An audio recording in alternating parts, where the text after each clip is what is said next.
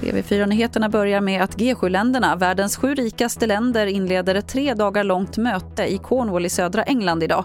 Och det är coronapandemin som väntas dominera mötet.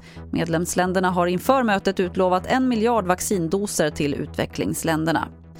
Nu går Världshälsoorganisationen WHO ut och varnar för att fotbolls-EM kan leda till en ökad smittspridning i Europa. Karin Modig som är docent på Karolinska institutet vill inte särskilt peka ut EM men säger att alla arrangemang innebär en ökad smittorisk. Det gäller ju att ha, eh, verkligen vara på tårna kring de här eh, arrangemangen. Testa mycket, försöka få till smittsäkra miljöer runt omkring och eh, ja, vara försiktig helt enkelt. Och när det gäller fotbolls-EM då så möts Italien och Turkiet i turneringens första match ikväll. Och Italien är förväntningarna höga, det säger Sveriges ambassadör i Rom, Jan Björklund. Fotboll är ju stort i Sverige men det är ändå ingenting mot hur det är här i Italien. Det är, pulsen vibrerar här. Förväntningarna är skyhöga. Avspark klockan 21 och matchen kan man se på TV4. Det var det senaste från TV4 Nyheterna. Jag heter Lotta Wall.